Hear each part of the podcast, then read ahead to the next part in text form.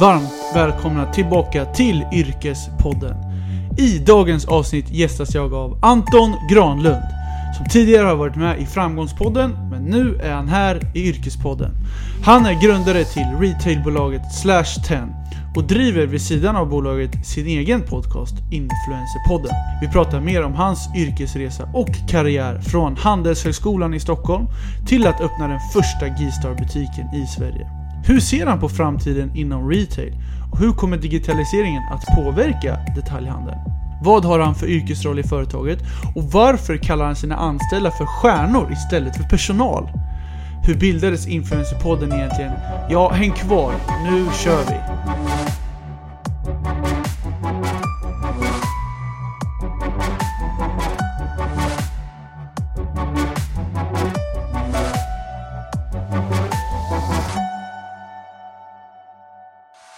Välkommen till Yrkespodden Anton. Tack så mycket. Hur är läget? Nej, men jag, är, jag är glad. Jag är glad och jag är peppad. Och det brukar vara, en- vara en bra start. Verkligen. Och superbra väder också. Exakt.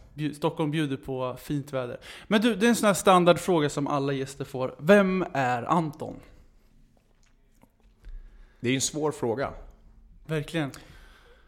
Och, och den, eh, den tar ju mer än en timme om jag ska svara på den på riktigt. Men eh, kort då. Eh, jag eh, heter Anton, jag eh, har en fästmö som heter Fabrona, en hund som heter Wilson och bor tillsammans med hennes lillebror som heter Carl Philip. Jag är uppvuxen i Stockholm, har spenderat den största delen av mitt liv här. Jag har varit och rest lite liksom längre resor, 3-4 månader, men överlag har jag hållit mig här. Jag pluggade på Handels efter gymnasiet och egentligen efter att jag gjort lumpen och haft ett sabbatsår med resor. Eh, har jobbat inom retail och mode hela mitt yrkesverksamma liv. Eh, startade den första G-star-butiken tillsammans med en kompis, eller två kompisar egentligen, eh, 2007. Eh, drev det i tio år, sålde det för ett år sedan drygt. Eh, och eh, nu driver jag Slash 10 och Slash 10 Models som är en retailagentur och modellagentur. Vi ska faktiskt gå in lite djupare på just de här frågorna, så det är bra att du redan har kommit igång. Men du, eh, du är uppväxt i Stockholm, men vart i Stockholm är du uppväxt? Eh, I Ekensberg, säger det eh, dig någonting? Inte så mycket, men jag antar att du har gått gymnasiet där också? Nej, eh, gymnasiet gick jag i en skola som heter Internationella gymnasiet. Eller den hette faktiskt International College. Det är lite missvisande med college. Men, men Internationella gymnasiet låg i Liljeholmen, som är då strax utanför tullen till söder. Vad gick du för program där då? Eh, jag gick någonting som heter SAM eh, Natur med internationell inriktning. Så vi hade 70% av undervisningen på engelska. Och sen var det då, eh, vi hade alla naturämnen som man behövde för att kunna läsa vidare till ingenjör. Men fortfarande en, lite mer samhälle än vad man normalt har. Jag förstår. Men du, eh, gymnasietiden är ju en rolig tid, men efter studenten då? Det är ju många som reser, skaffar sitt första jobb. Vad gjorde du efter studenten? Ja, men, eh, jag tror att det var ganska kort in på... Så jag jobbade nog i någon månad eh, på en Vivo-butik som min dåvarande flickväns pappa hade. Eh, och sen så åkte jag in i lumpen i Vaxholm och gjorde amfibie... Ja, på amfibieregementet. Men när du var där, var det, var det obligatoriskt att vara med i lumpen då, eller sökte du? Nej men det var obligatoriskt men det var också väldigt lätt att slippa. Så om du inte ville så kunde du säga att du hade lite ont i knät eller att du inte hade så mycket lust. Så, så slapp du ju. Men i... i eh, ja, så här, på, det var... Om man hade liksom, om, Man kunde bli tvingad, men väldigt få blev ju det. Men när du var i lumpen då, vad har du tagit för erfarenhet av det i livet? Men jag tror att eh, det viktigaste som man tog med sig därifrån är ju dels att samarbeta med människor som man inte känner i grunden och som kanske är liksom ganska annorlunda mot en själv eller lever annorlunda liv, kommer från annorlunda bakgrund. Ehm, man lär sig att tänja på gränser, det var ganska fysisk utbildning. Eh, så vi hade mycket liksom långa övningar och tuffa fysiska utmaningar. Ehm, så, man lär sig att det finns alltid lite till eh, och det finns alltid liksom lite mer att ge och inställningen är kanske det viktigaste du har i de situationerna. Ehm, nej, och sen såklart, ja, men du lär dig lite överlevnad i natur och du lär dig lite... Jag lärde mig köra båt. Jag hade, tog skepparexamen, eller sjöbefäl klass 8 som det heter. Där. Ah, Okej, och hur länge är den utbildningen då? Eh, jag var där i lite drygt ett år, 13 månader tror jag. Och sen var det tillbaks till Stockholm antar jag? Ja, sen åkte jag, kom jag tillbaka till Stockholm eh, ganska kort och sen då åkte jag till Asien och så var jag där i tre och en halv månad. Och sen så var jag hemma en vecka och sen åkte jag till Kanada och åkte skidor i fyra månader. Reste lite så att säga? Ja. Gjorde den här klassiska backpackresan eller? Ja, alltså exakt. Vi pratade om det för inte så länge sedan. Eh, Jag var ju... Alltså jag tror att jag gjorde av med 30 000 på så fyra månader. Ja, helt sjukt billigt. Ja, det är ju vad... Jag ska inte säga att det är vad jag lägger på en vecka, men det är ju vad man kan lägga på en vecka om man åker någonstans En idag. vecka i Ibiza typ. Ja, Ja, det är helt sjukt. Eh, men som jag har researchat dig lite, så började du plugga på Handels. Varför var det just Handels du började på? Eh, Jag började faktiskt på Stockholms universitet, eh, men bytte sen till Handels. Okej. Mm. Eh, Och anledningen var väl att... Så här, jag, jag ville plugga därför att jag trodde att man skulle göra det. Eh, och för att jag hade blivit lärd från eh, samhälle och min familj att det skulle man göra. Eh, och så tänkte jag, vad ska jag läsa? Men jag läser något brett, något som jag ändå är lite intresserad av. Det var ekonomi eller juridik, ganska så här, tänkbara ämnen. Det blev ekonomi. Och jag läste där då på Stockholms en kort stund och sen så kände jag att jag ville läsa på den bästa skolan som då jag hade förstått var Handelshögskolan. Så då bytte jag dit och det var nog ett bra val. Alltså, så Handels är... eh, Det finns ju dels en kulturell aspekt av att vara där. Alltså, många som är där är ambitiösa. Det finns liksom en, ett driv på den där skolan som, som är smittsamt och som är ganska eh, effektivt och bra. Så, och sen finns det en renommé kring skolan som till viss del hjälper säkert på ditt CV om du har nytta av ditt CV. Eh, Men, men det var faktiskt också högre nivå på, eh, även på lektionen och lärarna måste jag säga. Och vad läste du på Handels då för lyssnarna?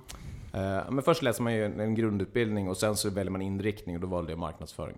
Och varför tycker du om marknadsföring så mycket då? Jag vet inte om jag tycker om marknadsföring så mycket, men, eh, nej, men jag tyckte att det var det, av de ämnena som man kunde välja mellan, finans och marknadsföring och Ja, jag minns inte ens vad de andra var. Eh, redovisning. Eh, så tyckte jag ändå marknadsföring var det som är mest intressant. Och framförallt fanns det en professor som hette Micke Dahlén som var någon slags mentor för mig där. Eh, som jag tyckte var väldigt bra och intressant. Eh, så att jag tyckte helt enkelt det föll på det som jag tyckte lätt kändes roligast. Eh, och som jag ändå var mest intresserad av. Men jag ska inte säga att det var så här. Det var inte mitt stora kall i livet att läsa marknadsföring. Jag förstår. Eh, och du läste master, är det inte så? Mm. Fem år, femårigt program. Det heter, när jag pluggade, det var ju innan då Bologna-processen kom, som nu är det som gör att man läser master. Så jag läste magister, tror jag att det heter. Mm, Jag är osäker. Men, så det var ju fyra år. Och då kunde man bara läsa fyra år, så Handels hade bara fyra år utbildning. Jag förstår.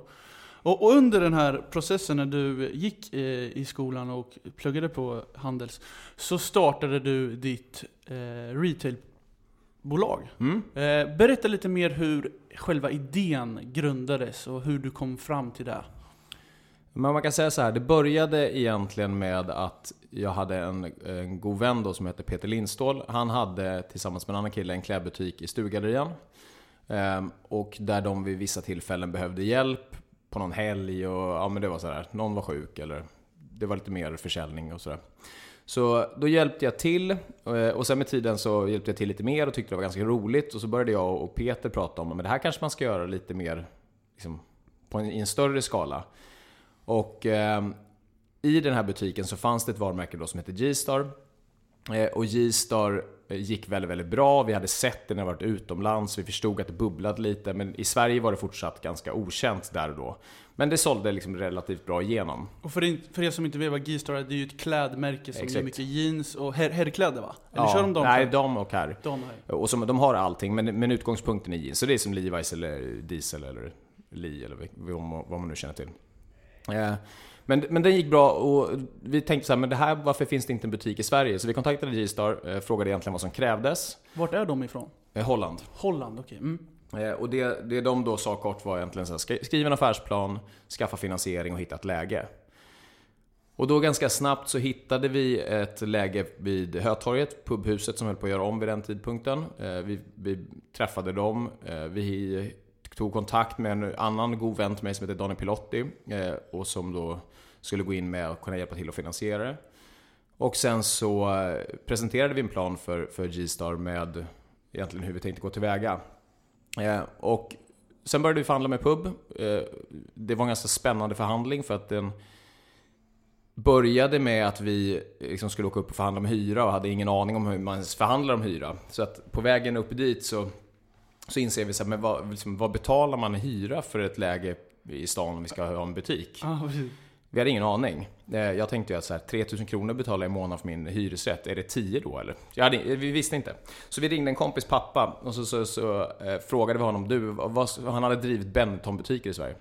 Så sa vi, vad ska vi betala i hyra för det här läget på pubhuset vid torget? Och sa han, ja, men det beror ju, jag vet inte, det var länge sedan jag stängde mina butiker, jag vet inte men Sänk en trapphyra, någonting. Det börjar lite lägre och sen höjer ni de sista åren. Eh, Och de här nivåerna kanske är rimligt, sa han. Så vi kom upp dit, sa de nivåerna och de sa ja, men bra, ni får det här läget. Och då insåg vi ju att det var ett, en dålig förhandling, för så lätt ska det inte vara att få någonting. Så vi där och då sa så här, men vi ångrar oss. Vi, vi behöver komma tillbaka med ett nytt bud på, på nya hyror. Liksom. Eh, åkte tillbaka, eh, en vecka senare kanske. Och sen så eh, gav vi ett nytt bud. Och då gick det, det tog en dag tror jag, men då sa de så här, ja men ni får det också. Och då kände vi en gång till att det var lite för enkelt. Så då mejlade vi dem någon dag efter och sa, "Ja, men vi tar tillbaka det här också. Nu vill vi ha det här. Och då kom vi med något så riktigt skambud. Tror vi sa. För vi kände så här, de kanske inte har någon aktör på den här ytan. Så det finns ändå förhandlingsmål här. Eh, Och då skickade vi det, eh, och det var ett riktigt, riktigt skambud. Eh, Och sen fick vi svaret, tror jag en månad senare, ja men ni får det. Och då hade vi gått en ganska lång period och tänkt så här, fan vi kanske har bränt det liksom. Det här var ju vår stora chans tänkte vi så här. Men det blev väldigt bra och det, det man lär sig av det och det vi har lärt oss av det är att, att ett, alltid våga förlora. Det, det är ofta en bra ingångsvärde till en förhandling. Eh, Men två, heller aldrig vara rädd för att göra fel eller att ångra sig om det blir fel. Utan alltid ha med sig det. Och det försöker vi ha med i det bolaget vi jobbar med idag. Att vi berättar ofta den här historien för att de som är nya in ska veta att det är okej att testa och göra fel. Jag förstår. Vi ska komma in lite på ditt bolag lite, lite senare. Men var det här just då första butiken då som vi pratar om i Sverige med G-Star? Exakt, det var Sveriges första G-Star-butik. Eh, och den öppnade 2007 och sen öppnade vi totalt 21 butiker. Eh, den andra butiken öppnade 2008 och sen öppnade vi några butiker varje år. Och det, var, och det har funnits runt om i hela Sverige de här butikerna då eller? Mm, från Uppsala och neråt. Vi öppnade aldrig någon i, i Norrland, även om vi var där och tittade några gånger. Men ja, det blev alltså. I Nor- Och vi hade Norge också, vi hade en i Oslo. I Norge också. Och då var du liksom, du var head coach över allt det här eller? Ja, alltså vi började som sagt, jag och Peter eh, var ju de som jobbade, så från första början jobbade vi i butiken. Vi jobbade ju, jag, jag hade ju ett år kvar på Handels, så vi jobbade sex och en halv dag i veckan. Jag sprang till föreläsningar, sov väldigt lite, jobbade väldigt mycket. Ja, det är hårt liv. Eh, Och då jobbade vi ju. Och sen med tiden så, så utvecklades ju rollerna och, och i, ja men efter då tre fyra år så tog jag en, någon slags VD-roll. Men, men ja, jag gillar att, headcoach tycker jag är bättre beskriv vad jag gjorde. Så att jag var övergripande ansvarig för verksamheten. Jag förstår. Och var det i den här eh, eran, när du hållde på och eh, var i butikerna, som du kom på ditt bolag idag, det vill säga Slash.10? Vad, eller hur gick den resan, eller hur började allt? Ja, men Slash 10 kom till så att vi för tre, tre år sedan kanske förstod att vi kommer med, mest, med största sannolikhet att sälja G-Star-butikerna. Eh, därför att vi trodde inte att det som vi verkade inom, alltså en franchise-modell, var vägen framåt för retail. Eh, varumärken måste ha mycket bättre kontroll över sina egna butiker idag än vad man har behövt tidigare. Så, och då kan man inte ha någon annan som äger dem, utan man måste äga dem själv. Allt ifrån ett sortiment och koncept och liksom upplevelsen ska vara rätt och man måste också kunna investera i dem och det, det kan varumärket göra bättre än en franchisetagare. Så vi började förstå att det här kommer inte vara en modell som vi kommer eh, liksom verka inom så länge till. Eh, och då började vi en förhandling med G-Star, men parallellt började vi titta vad ska vi göra om vi inte ska göra det här? Alltså hur kan vi växa? Vi hade på något sätt ändå nått någon slags breaking point, tipping point där vi inte kunde öppna så många fler butiker heller, utan vi kunde det här ganska bra och vi hade liksom gjort det vi ville göra med det. Eh, och då tittade vi, vad är vi bra på? Vad tror vi behövs? Och, och där såg vi att men vi hade varit ganska duktiga på att bygga en bra retailkultur genom då G-Star från börs första början. Och vi hade ganska bra kunskap kring hur man skapar den kulturen. Och ur det så såg vi också att vi tror att, att bemötande och mänsklig liksom interaktion är kanske den starkaste konkurrensfördelen som finns i det fysiska rummet framåt, alltså butiker, showrooms och sådär. Och i och med att vi var då tyckte att vi var ganska bra på det så tänkte vi att ja, men det här kanske är precis det vi ska göra. Vi hjälper varumärken med att skapa fantastiskt bemötande genom duktiga människor som har liksom skapats ur en stark kultur. Eh, och så kom Slash 10 till. Så vi, vi testade, vår första egentligen pilotprojekt var med Swarovski. Och då testade vi ju man kan säga att Swarovski och G-Star är liksom fundamentalt olika varumärken. Ja, så vi visste ju inte om våran kultur var G-Star eller om den funkade på andra varumärken. Eh, Men i och med att vi testade på Swarovski och det gick ganska bra så kände vi att ja, men det här kommer nog hålla. Så då satte vi igång för två år sedan ungefär. Jag förstår. Och idag, kan du inte berätta lite vad Slash 10 gör? Eh, jo men i kort kan man säga att det Slash 10 gör är att vi, vi bygger en retailkultur. Alltså vi, vi hittar fantastiska människor, vi tränar dem, vi utbildar dem och utvecklar dem. Och sen så driver vi butiker åt varumärken, men vi äger alltså inte dem, utan vi har alla människor på plats i vissa butiker. Så det kan vara en e-handlare som ska öppna sin första butik och de har ingen kunskap kring hur man gör det. Ja, men då har vi alla människor där som, som hjälper dem att göra det. Det jobbar vi idag till exempel med Ideal of Sweden som säljer mobilskal och mobilaccessoarer. Eh, vi jobbar med några fastighetsägare inom, med, med att driva deras enheter också. Eh, och sen så har vi en klassisk del som är liksom bemanningsdel. Vi fyller på vid behov. Så vid sjukdom eller vid eh, Black Friday eller rea eller vikariat och sådär.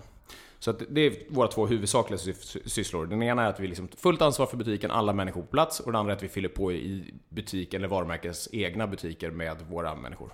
Som vi då kallar stjärnor. Just det, inte personal, stjärnor. Vi har förbjudit ordet personal och anställd. Hur, kommer, hur kommer det sig? Det vill jag höra lite mer om. Nej men vi tror, så här, egentligen i grunden så tycker jag eh, det handlar om att vi är väldigt noggranna allmänt med vilka ord vi använder.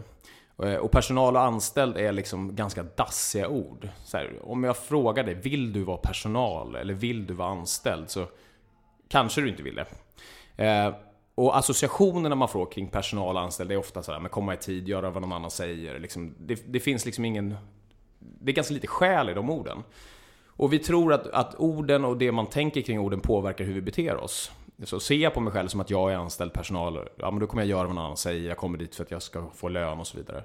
Men om jag ser på mig själv som en stjärna och bäst på det jag gör och liksom att jag faktiskt vill göra skillnad. Ja men då tror vi, och att organisationen ser på mig på det sättet också såklart. Ja men då tror vi att det också syns utåt sett. Så att, ja, men det handlar egentligen om att vi, vi, vi tror, och även så här att chef. Vi tror att chef är ett dåligt ord, vi tror ledare är bättre. Så att det handlar om att, att sätta rätt ord på rätt sak. Och, och i vårt fall så, vi tycker att personal och anställda är för dåligt. Stjärna är bättre. Det ligger något i det du säger, verkligen. Vi hoppas det.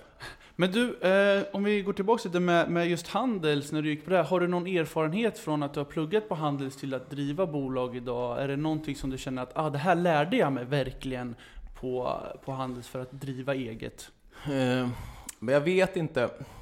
Det där, det där jag pratat om, det är så jävla svårt att säga efterhand också, för man vet inte vad man, vad man har lärt vad. Men, eh, och jag pratade faktiskt med en kille som jag jobbar med, som är med och driver Slash som heter Niklas, eh, som inte har pluggat, men som har ett sjukt driv och varit duktig entreprenör redan från han var 16 år gammal. Så här, supertalang verkligen. Eh, och då diskuterade vi just det här, så här, hur mycket har man nytta av att plugga i fyra år och hur mycket kan man lära sig av att göra det själv? Och jag tror, om man ska vara helt ärlig, att jag inte hade haft, jag har inte så mycket nytta av att plugga på Handels.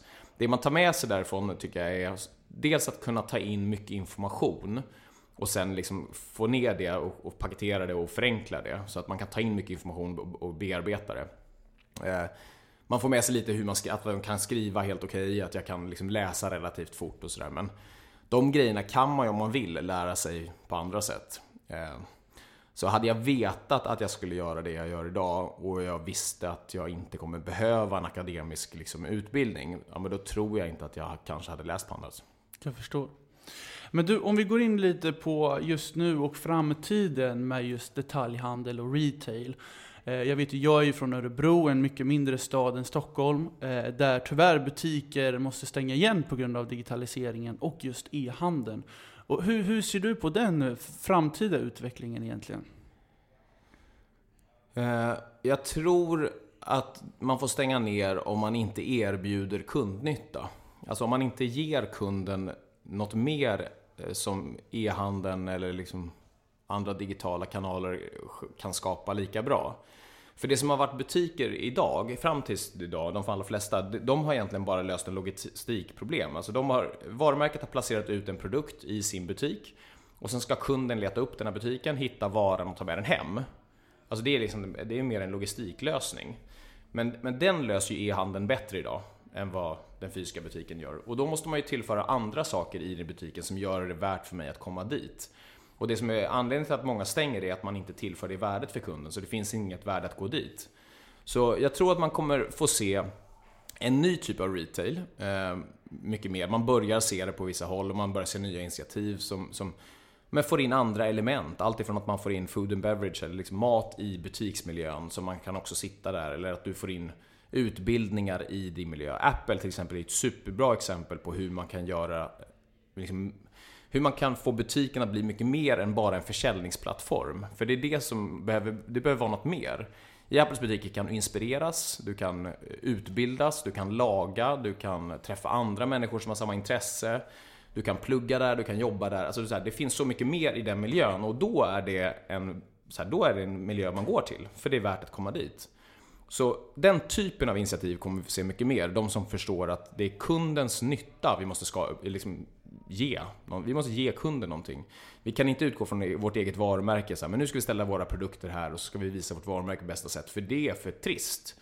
Utan det handlar om så här, vad är det våra kunder vill ha? Det ska vi ge dem i. Och vad är det den fysiska butiken och den fysiska miljön kan göra som e-handel eller digitala plattformar inte kan skapa? Och då är det ju liksom, ja, men olika typer av upplevelser är ett bra exempel. Liksom. Jag förstår. Men är det här din typ av yrkesroll i ditt bolag? Att du sitter och förhandlar så här med just butiker och stora varumärken? Att få in så här i butikerna? Eller hur ser dina arbetsuppgifter ut? Uh, nej men, den viktigaste arbetsuppgiften jag har det är ju att säkerställa att vår kultur, alltså Slash Tens kultur, är stark. Och säkerställa att vi bygger ett community och ett sammanhang som, som våra människor vill vara i. Både professionellt men också vid sidan av jobbet. Så att det är därför som vi pratade om innan här, vi gör yoga en gång i veckan tillsammans. Vi går ut i en park. För att det, och det har ingenting med jobbet att göra, men, men det skapar ett sammanhang som människor vill vara i. Eh, så det är min viktigaste uppgift. Men, men eh, och, och ur det då så, så är min näst viktigaste uppgift att säkerställa att de personerna sen levererar ute på uppdrag. Men det jag också gör ibland är ju att när vi är med, om en e-handlare till exempel ska öppna butik, ja men då går ju vi in och har en liksom, viss konsultande del i det här också. Att prata om vad är viktigt med er butik, hur ska ni tänka? Konceptuella frågor lämnar vi till andra eh, bolag som vi jobbar nära med, men, men vi är ju där och, och liksom pushar kring vissa frågor och, och utmanar. Sen i slutändan är det ändå alltid varumärket som har beslutanderätt såklart, men vi har ganska mycket kunskap och vi är liksom intresserade så vi har säkert något att tillföra. Jag förstår. Men du var inne lite på det här just att du ska utbilda personal och de ska liksom prestera och även kunna sälja i butiken. Och jag tänker, är det mycket ansvar för just den personalen då? För du har ju ett, ett stort märke eller en stor butik som har höga förväntningar. Och hur, hur kombinerar du egentligen det här med att leverera till alltså, din personal? Hur utbildar du dem? Ja, jag har ju ingen personal. Mycket frågor där Ja, men det är jag. Men, men vi ska försöka sortera det. Men vi har ju noll personal, så jag kan inte göra det. Oh, med, okay. med stjärnor. Mm, just det, förlåt. Ja, just det, stjärnor. Jag är helt ute och cyklar. Så här rättar mina vänner hela tiden. De är less på det. Men till slut lär de sig. Eh, nej men, eh, man kan ju säga så här. Det finns ju olika... Dels måste vi ju sätta rätt förväntningar från varumärket. Och om man förväntar sig att butiken bara har som uppgift att sälja, alltså om omsättning är liksom det viktigaste och enda nyckeltalet i butiken, då tror jag också att man är lite farligt ute. För då tappar du lite de andra mervärdena av att det ska bygga varumärke, att det ska vara en kul miljö för kunden och så blir det krängigt och då finns det en risk att butiken blir dålig istället. Alltså om du går in där som kund och du känner bara att de är där för att trycka på dig produkter, om då upplevelsen dålig och då går du inte tillbaka. Därför att det finns andra alternativ idag. Du kan då gå till e-handel och så vidare. Eh, det är ju egentligen på samma sätt som att man när man tidigare skulle köpa en dammsugare så hade man kanske inget val än att köpa det för den som knackade på min dörr. Men så fort det fanns ett annat alternativ så bytte man och öppnade aldrig dörren igen. Eh, så på samma sätt så om, man då, om varumärket utgår från att försäljning är det viktigaste kopiet, då kommer vi att utmana det från första början. Att säga så här, vi kanske måste mäta på andra saker. Vi måste mäta hur nöjda kunderna är, hur glada kunderna är, hur mycket skratt får vi i butiken? Eh, hur mycket tid spenderar de här av fri vilja? Liksom? Så det börjar med. Eh, och sen så måste vi följa upp och vi gör ju allt ifrån att vi då mystery shoppar med externa bolag mot oss själva så vi kollar att vi levererar. Vi har ju såklart våra kunder som går in i sina egna butiker och tittar att våra människor presterar. Eh, om det finns andra medarbetare där så ger de oss feedback. Vi söker aktivt feedback hela tiden så vi frågar alltid så här, hur, vad, hur tyckte du om vår stjärna? Tyckte du att det funkar? Vad, vad, vad gick bra? Vad gick inte bra? Eh, och vi får ganska mycket mail från då kanske, om vi då till exempel fyller på i ett befintligt team från en butiksansvarig som säger så här, Gud vilka bra stjärnor ni har. Vi får väldigt mycket positiv feedback och det är såklart jätteviktigt också att vi får, inte bara vad de gör dåligt utan också vad de gör bra. Och det förmedlar vi till vår organisation så att de känner att de är sedda och också, alltså både har lite ögonen på sig men också får positiv förstärkning när de gör bra saker. Det är väldigt intressant att höra om du som har så mycket kunskap om just det här yrket. Så, men vi ska faktiskt gå lite vidare nu eh, till en annan sak som du också gör vid sidan av, eller det kanske är en del av ditt jobb också, och det är ju såklart Influencerpodden. Ja. Eh, Anton driver ju Influencerpodden, men jag vill också få reda på här, hur skapades den idén egentligen? Den började i, egentligen med, jag ska börja med att säga då att Influencerpodden är ju mer en hobby för mig. Sen så har jag nytta av den ändå i mitt jobb för att jag träffar intressanta människor, jag får bra nätverk och liksom jag kan prata om saker som jag, och lära mig av saker som jag är intresserad av kopplat till mitt jobb. Men e egentligen i korthet så, jag var med i Alexander Pärleros Framgångspodden för, vad vet jag, två och ett halvt år sedan kanske. Och tyckte podd var jävligt kul. Visst Att sitta, ja men det är sjukt kul att sitta med någon man, liksom, att prata om ett ämne man tycker är intressant och framförallt att få lära sig av någon som man är intresserad av.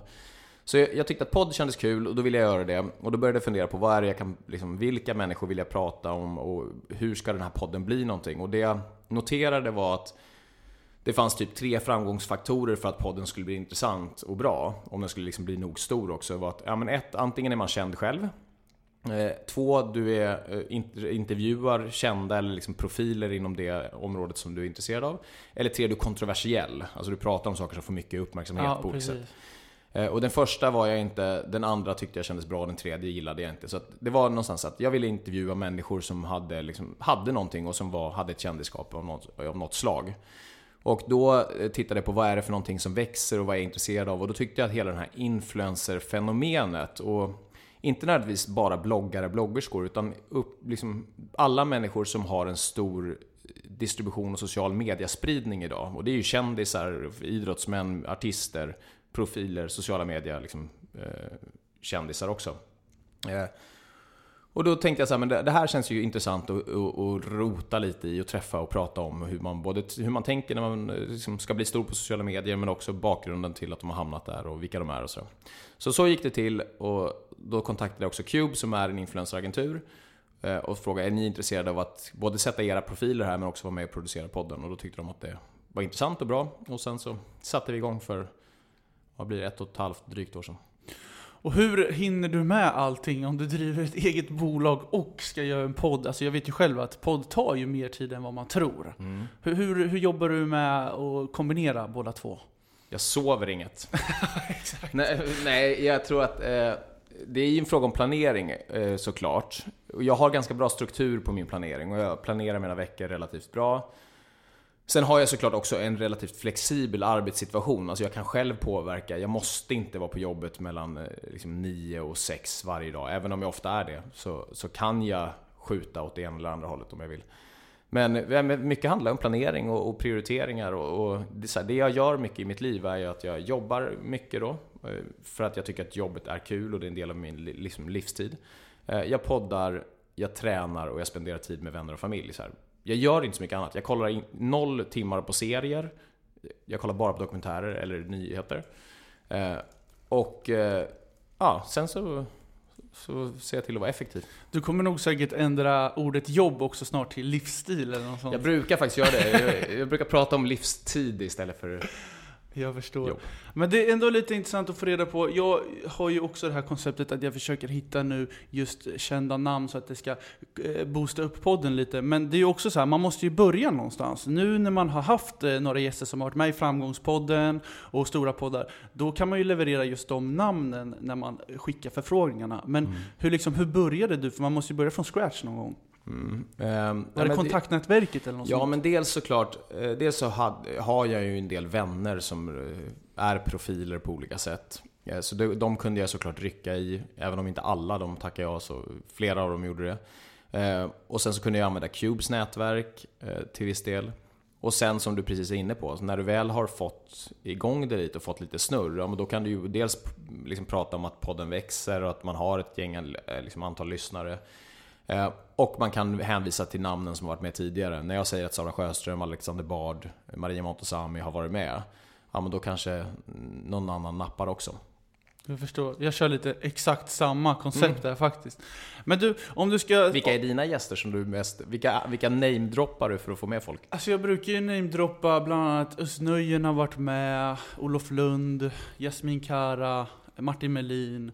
Eh, de här namnen som har ganska stora, eh, stora kända profiler som folk känner till. Eh, Men ofta så tänker jag så här att eh, är du bra på någonting, är du riktigt bra på någonting med ditt yrke så vet oftast folk vilka du är. Så det går lite hand i hand och jag vill ju få reda på de som är bäst på sitt yrke och kan förmedla mest om just yrket. Precis som du gör med detaljhandel och hur du är som entreprenör. Vem är din drömgäst? Eh, jag har ju pratat, när jag var med i radio så sa jag att eh, Bianca Ingrosso skulle vara väldigt bra som influencer att ha med. Eh, för att boosta allt. Men jag tror också att Christer Fuglesang som är astronaut skulle vara jävligt häftigt att se liksom han, hur han... Alltså vad går man ens för utbildning för att bli astronaut? Och hur, hur, hur, alltså det är ju så här barndrömmar bara. Jag ska till rymden, jaha, lycka till typ. Mm. Ja, och det där är ju viktigt, eh, för det är ju samma... Från första början hade jag ganska många människor som var då traditionella influencers kanske. Men eh, jag vill ju också bredda begreppet, för att en influencer är en person som påverkar andra människor. Och det gör du också genom din podd, även om inte du liksom är en glammig eh, tjej som håller på med liksom, en blogg och en Instagram. Så nyckeln är ju också att ha en bra spridning i gästerna. Det är ju det till exempel som Alexander Perros, alltså han är, hans gäster, är, det är så briljant bra urval. Eh, Vilket gör att det alltid är intressant. Så även om det är någon som inte är känd så faller den in i ett sammanhang som gör att många lyssnar och helt plötsligt blir det väldigt intressant. Jag förstår. Men du, på tal om just eh, entreprenörskap och så, här, så var ju du faktiskt med på en lista med 101 supertalanger inom entreprenörskap av Veckans Affärer. Först och främst grattis. Mm. Hur känns det då? Jag vet inte, det är så svårt. Det finns ju liksom säkert två... Ja, del- dels är det väl så att den här listan kan man inte hamna på två gånger. Så att, eh, det, är väl, det gör ju såklart att ett gäng faller bort. Men alltså, det finns ju säkert 10 000 människor som förtjänar att vara på den här listan mer än jag. Så jag tycker det är, alltså, det är svårt. Det, var, ju- det är kul att man hamnar på en sån lista. Det är lite roligt och det blir lite så här att det är några som hör av sig och säger eh, grattis. Och det är kul. Men eh, fan, jag tycker att det är lite svårt att ta på vad det där är på riktigt liksom. Jag förstår. Om det där är rätt. Det finns så många doldisar som är mycket mer både talangfulla och framgångsrika eh, än vad jag är. Jag förstår. Men du Anton, vad är dina framtidsplaner? Ungefär, den frågan är ju nästan lika svår som att svara på vem man är, för att den är så bred. Men eh, i stort så kan man väl säga så här, mina framtidsplaner handlar ju om att fortsätta eh, bygga Slash 10 eh, till någonting stort eh, och någonting som kan växa även utanför Sverige. Eh, det är att se till att jag har en fästmö och en familj som mår bra och är glada, inklusive mig själv. Eh, Det är att få fortsätta känna mig stark och eh, vältränad i min kropp så att jag orkar mycket och liksom... Han är vältränad, lyssnarna kan jag säga. jag vet inte. Kommer direkt från gymmet, inte, du ska uppumpad. Inte, du ska inte döma av hur man ser ut. Men, men också i att orka mycket. Jag gillar ju att utmana mig själv rent fysiskt. Så att fortsätta kunna göra det och att göra äventyr och utmaningar. Eh, hitta på liksom lite, eh, så här, testa att tänja gränser. Ehm, ja, och sen allmänt vara så här, var glad och må bra och umgås med de som jag tycker om och som jag får energi av. Och prioritera de vänner som jag vill umgås med. Jag förstår. Och hur ser framtidsplanen ut för Slash 10 då? Om vi går in lite på bolaget. Nej, men nu, så, vi har, nu har vi en plan att växa här eh, och vi har ju haft utgångspunkt på Stockholm primärt. Nu börjar vi växa in i andra städer. Så vi har lite verksamhet i Göteborg, vi har lite verksamhet i Jönköping och lite i Skåne just nu. Så där kommer vi antagligen växa. Vi kommer antagligen behöva öppna något slags kontor där inom ja, ett år kanske. Eh, och sen så är idén att växa det utanför, eh, kanske primärt i Europa. Eh, vi var nere och tittade i i Holland skulle kunna välja Amsterdam, skulle kunna vara en bra plats att börja på. Eh, och sen så fortsätta växa med de befintliga kunder, hitta nya kunder och jag tror att vi primärt kommer att växa med e-handlare som går in i fysisk liksom miljö för första gången, fastighetsägare som tar över sina egna lägen och sen då eh, bemanna upp en del av de stora retailerna. Det låter väldigt spännande. Det ska bli kul att följa din resa. Det ska bli jäkligt kul att göra den. Kul. Men du, vi ska knyta ihop den här säcken. Eh, och eh, varje gäst som är med i en podd ska alltid få ge lite avslutande tips till lyssnarna. Eh, och eh, eftersom att du är så entreprenöriell av dig och har skapat Slash 10 och driver Influencerpodden så ska du få ge tre tips till en framtida entreprenör. Då ska du ju tänka så här vad den egentligen ska tänka på. Eh, så om vi börjar med tips nummer ett, vad skulle du säga då? Tips nummer ett, pling. Jag skulle säga att det första tipset är att göra det man själv tycker är kul. Att vara luststyrd och titta på vad man faktiskt har passion och driv kring. Det är, och det tror jag det är, det är nyckeln oavsett vad du ska bli framgångsrik i. Om det är idrott eller om det är att bli en duktig influencer eller vad det nu må vara. Så det handlar om att identifiera vad är det som kittlar i magen när du tänker kring det. För att du kommer behöva spendera extremt mycket tid om du ska bli bra på att göra det här. Och då måste det vara, eller måste, men det är antagligen mycket enklare i alla fall att eh, göra det om det är kul. Jag förstår. Jättebra första tips. Ett andra tips då, vad skulle det vara? Ja, men det kanske tar vid där då, och det är förståelsen för att det tar tid. Väldigt få saker eh, blir man ju framgångsrik i om man inte lägger mycket tid bakom det. I alla fall på riktigt liksom framgångsrik och på riktigt duktig. Det finns ju liksom någon så här, eh, studier som säger att ihärdighet är den enda gemensamma nämnaren för framgång. Eh, så att det är väl det här liksom att inte tänka att man ska ta quick fixes, att våga liksom lägga tid, att inte vara för snabb kanske för att byta roll eller byta karriär bara för att det känns som att nu har jag gjort det här ett år och nu ska jag göra något nytt. Utan att faktiskt bli riktigt bra och expert på det du gör. Superbra tips. Och ett tredje avslutande tips till en framtida entreprenör? Då skulle jag säga att teama upp med någon eller några som du känner skapar synergier med dig själv. Så det är ju ganska, alltså att, att då liksom driva bolag eller att eh, starta upp saker är ju dels ganska påfrestande och jobbigt många gånger. Eh, men också ganska ensamt om du gör det själv. Så det finns ju någonting att, att dela det med någon annan, att kunna bolla och ha någon som, som förstår din situation. Och jag tror, för mig i alla fall, är det mycket roligare att göra det med andra än att göra det själv. Så att, att hitta en eller flera personer som, som vill göra det här med dig och som kompletterar dig på ett bra sätt, det tror jag är ett bra tips. Tre superbra tips av Anton Granlund. Du, tusen tack för att du var med i Yrkespodden. Tack själv, kul att jag fick vara med. Då säger vi hej då. Adjö. Hej hörni, Jens här från Yrkespodden. Hoppas ni tycker om podcasten och se till att prenumerera på Yrkespodden i din poddapp. Det finns på Spotify, iTunes, Acast, Soundcloud. Ja, ni vet, där alla poddar finns. Jag finns också på LinkedIn, Jens Jangdin, och även på Instagram, där jag också heter Jens Jangdin. Och stort tack till min högra hand som klipper min podd, Sebastian Myrdal. Har ni frågor angående klippa podcast så ska ni höra av er på sebastian.myrdal.gmail.com. Tack så mycket!